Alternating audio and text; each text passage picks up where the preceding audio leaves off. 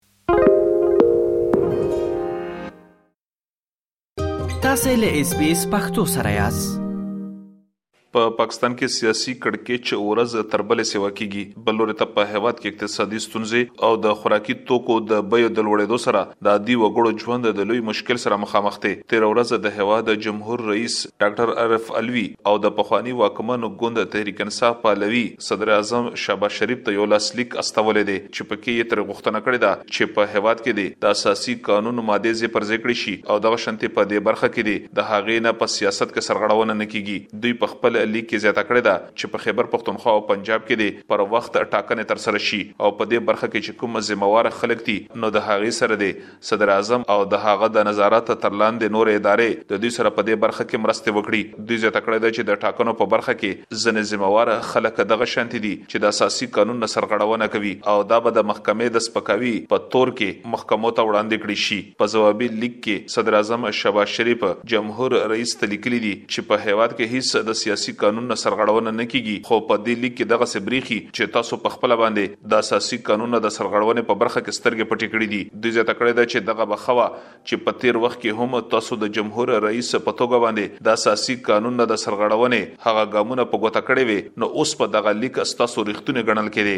صدراعظم دغه هم ویلي دي چې په هېواد کې د اساسي قانون په ټولو مادو باندې عمل کېږي او هیڅ کومه دغه شانتې ستونزه شتون نه لري. بل لوري ته د تحریک انصاف ګوند مشر عمران خان د څوکۍ نه د لرې کېدو وروسته خپلې سیاسي هلې ځلې ډېرې توندې کړې دي او د مخالفو ګوندونو په اتحاد سختې نیوکې کوي. څوک چې پر اوسمهال باندې واک په لاس کې لري، دوی په سیاسي ګوندونو او په فوځ باندې دغه تور لګوي چې د امریکا پر اشارو باندې یې دوی د څوکۍ لرې کړی دی. دوی نه یوازې په سیاسي خلکو سختې نیوکې کوي، ورسره په فوځ باندې هم دوی ډېر تورونه لګوي. پر اوسمهال باندې په عمران خان باندې یو شمېر مقدمې په بېلابېلو محکمو کې درج کړ شوي دي چې پکې دوی وخت په وخت باندې هزریانې لګوي. تېره ورځ هم دوی د اسلام اباد د دسترې محکمې په یو عریضه کې حاضری وکړه په دوی تور دی چې د توشخانه یا دولتي مشرانو ته ورکړې کېدونکې توفې دوی په کمه بیه باندې اخیستې دي د سترې محکمې د لورې د دغه قضیه اوریدنه وشوه او دغه شان دوی ته په اوو بیلابیلو قضیو کې ضمانت ورکړې شو بل لورې ته د هغه قضیه اوریدنه هم وشوه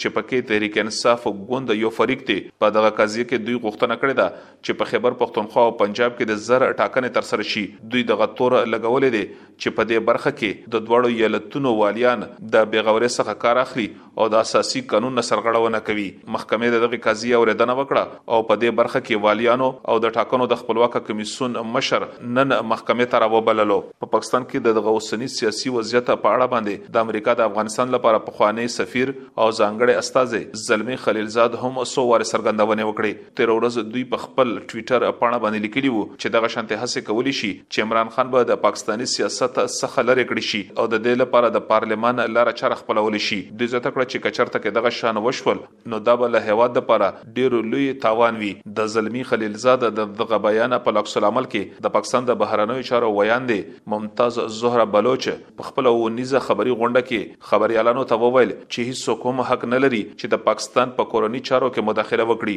او د هغې په برخه کې څه مشوره راکړي. دوی وویل چې چا ته هم ضرورت نشته دی چې موږ ته لارښودنه وکړي، موږ په خپلو کارونو باندې ښه پوهیږو. په غونډه کې ویاند یو وارې بیا په افغان طالبانو باندې غږ وکړو چې دوی دې په پاکستان کې د وسلوالو بریدونو د مخنیوي په برخه کې د دوی سره مرسته وکړي. دوی په اشارې سره وویل چې دغه شانتې ځینې شواهد شتون لري چې وسله واله بریدونه د افغانستان نه په پاکستان کې ترسره کیږي. افغان طالبانو دغه بیان رد کړی دی او ویلي دي چې هیڅ کوم دغه شانتې طاقت شتون نه لري چې د پولې په هغه غاړه باندې وجود لري او په پاکستان کې وسله واله بریدونه ترسره کوي. په دغه اوسني سیاسي کړکیچ کې د تحریک انصاف ګوند د لورې په پاکستاني فوځ باندې هم سختې نیوکې روانې دي.